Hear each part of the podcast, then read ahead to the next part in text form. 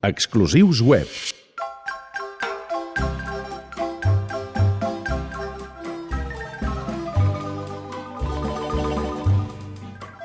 A Catalunya Ràdio, Solidaris, amb Adrià Bas.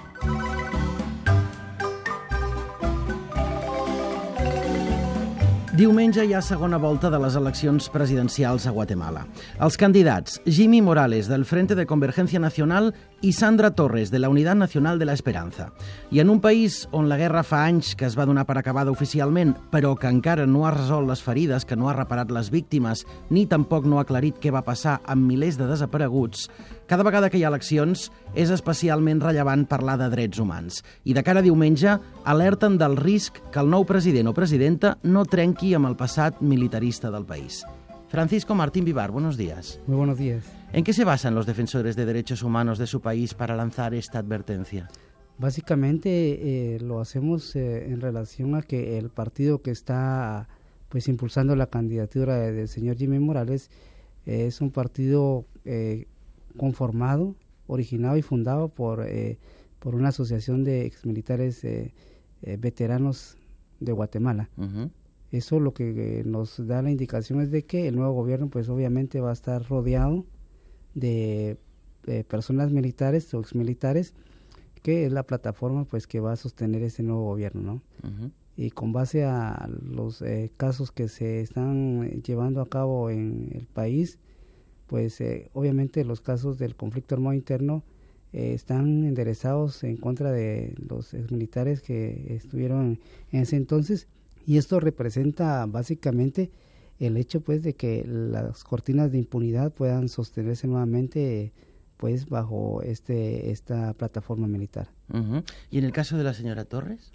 pues eh, definitivamente tampoco podemos decir que es la mejor opción, pero eh, sencillamente le damos el beneficio de la duda, ¿no? El gobierno del partido, eh, este partido pues ya gobernó en su momento y creemos que si no hubo una muy buena relación, como mínimo pues hubo apertura para la- los derechos humanos.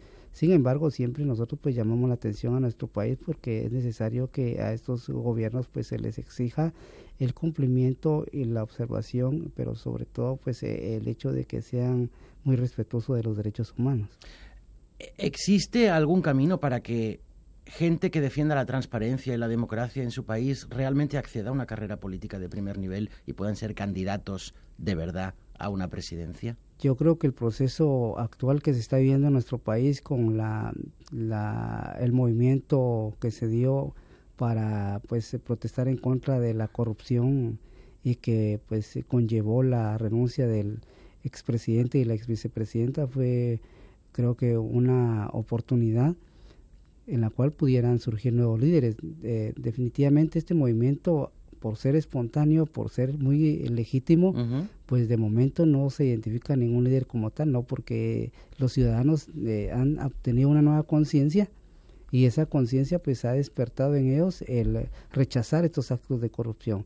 Entonces, si vamos ahí a, a la plaza donde nos, donde nos reunimos, pues eh, sencillamente pregunta usted quién está liderando, pues no va a haber ninguna persona identificada como líder o que se quiera hacer pasar como líder, pero creemos que es un buen espacio para que las nuevas generaciones puedan abrir brecha y, y, pues ser una opción en nuestro país para poder eh, eh, pues eh, realizar estos, estos cambios tan necesarios para una democracia que pues eh, se está fortaleciendo y un Estado de Derecho que es necesario en nuestro país. Entonces sí existe un movimiento de protesta ciudadana, de, de- de- reunión, de, de espacio de diálogo, de debate para lanzar mensajes. Por supuesto, eh, las protestas, de hecho yo por las redes sociales eh, he accedido y, y este fin de semana uno de los motivos por los cuales iba a protestar, si no en la forma numerosa que se ha hecho, era para oponerse a que los eh, nuevos diputados que están señalados de corrupción no asuman eh, cargos, porque fueron varios reelectos, pero están señalados de corrupción. Entonces,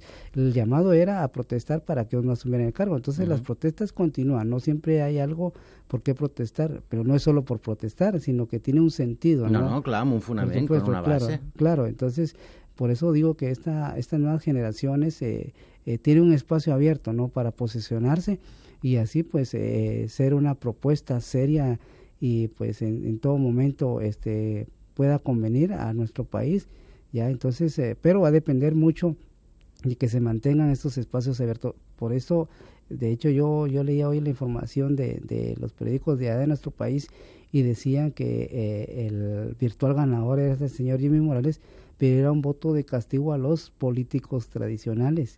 Y eso es lo que estamos buscando ahora, pues las nuevas generaciones que realmente puedan impulsar cambios en nuestro país. Feta l'anàlisi política, parlem ara de drets humans, perquè Francisco Martín Vivar és advocat del bufet de drets humans de Guatemala.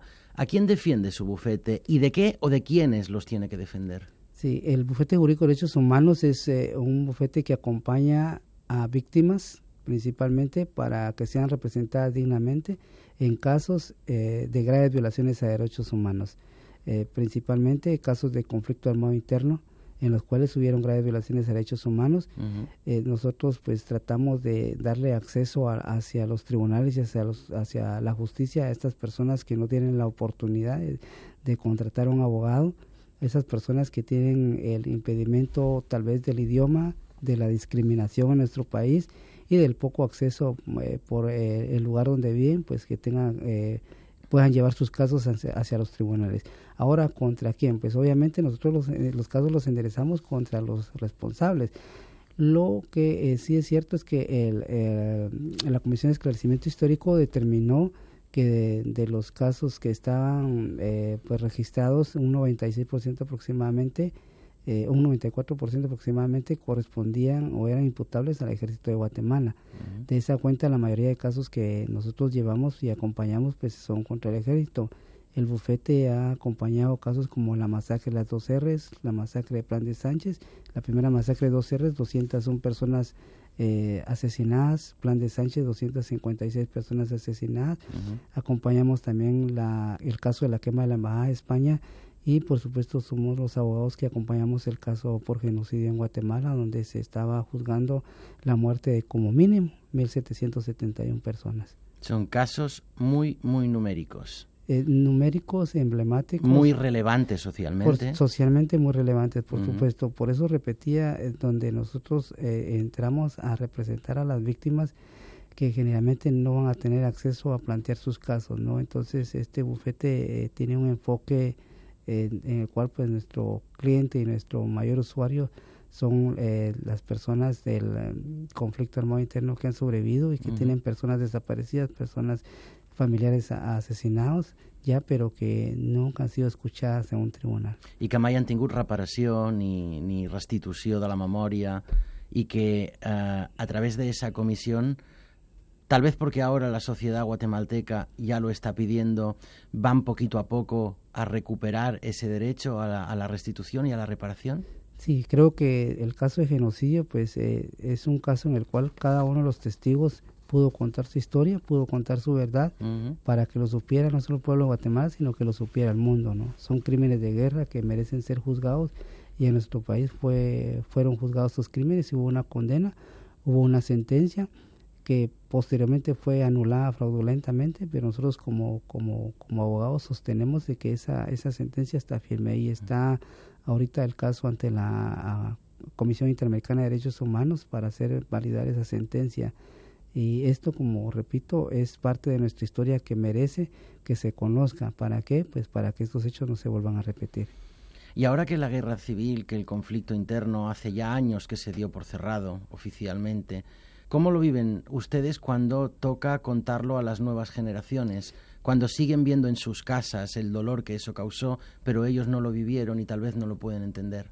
Hay dos aspectos importantes aquí. Uno que, que lo ideal hubiera, sería que las nuevas generaciones supieran del caso, de los casos que hubieron en el conflicto armado interno. Cuando fue el caso de genocidio, eh, muchos periodistas salieron a las calles a preguntar, ¿usted sabe qué pasó, que hubo genocidio en Guatemala? Y la mayoría de jóvenes decían, no, pues unos me contaron. Lo que sí es que en el interior de la República y por los casos que acompañamos nosotros, eh, los estudios de los psicólogos expertos han determinado que estos sufrimientos se trasladan incluso hasta la tercera generación. Estamos hablando entonces que las generaciones de la gente del interior que sufrió estos, estos atrocidades, pues están todavía eh, sufriendo eh, los dolores que ha causado el desaparecimiento de su familiar o la muerte de su familiar. Usted decía hace un rato que usted defiende, o su bufete defiende a aquellas personas que no tienen acceso a los recursos para pagarse una buena defensa jurídica. Correcto. Entonces, ¿cómo se financia el bufete de ustedes? El bufete pues eh, recibe aportes de organismos internacionales, Mm. embajadas, Mm. las cuales pues este conocen el trabajo del bufete y pues aportan para que este bufete se, se sostenga. Somos eh, aproximadamente cinco o seis abogados con asistentes legales jóvenes de los últimos años que están pues formándose ahí para eh, tener también eh, el- la visión de pues eh, enfocar el, el- la defensa y pero más que la defensa también hacerlo bajo las buenas prácticas judiciales no Perquè tothom té dret a una defensa, eh, en qualsevol cas, però més en aquests casos. Per això hi ha la cooperació internacional implicada, també la catalana, i per això hi ha també les brigades eh, de pau, que són els que l'han fet venir a Barcelona aquests dies, ¿verdad? Sí, la- eh, el trabajo de brigadas de paz pues ha sido muy eh, eficiente para nosotros y muy útil tomando en cuenta como decíamos en cierto momento pudiésemos estar mm, de- pues con amenazas. Entonces eh, es un disuasivo no ellos nos acompañan en el terreno nos acompañan para cubrir las audiencias y las diferentes diligencias que en las cuales vamos al interior de la República, a, lo- a las montañas, a los lugares más lejanos para ir a recopilar ya sea testimonios o, o- o pruebas documentales, pues eh, ellos nos acompañan y creemos pues eh, muy valioso el aporte que ellos hacen para nuestro trabajo. Francisco Martín Vivar, moltes gràcies per haver vingut avui als Solidaris. No a ustedes por darme este espacio, muy agradecido. Cada dissabte, de 3 a 4 de la tarda, Solidaris a Catalunya Ràdio. Para-t'hi a pensar.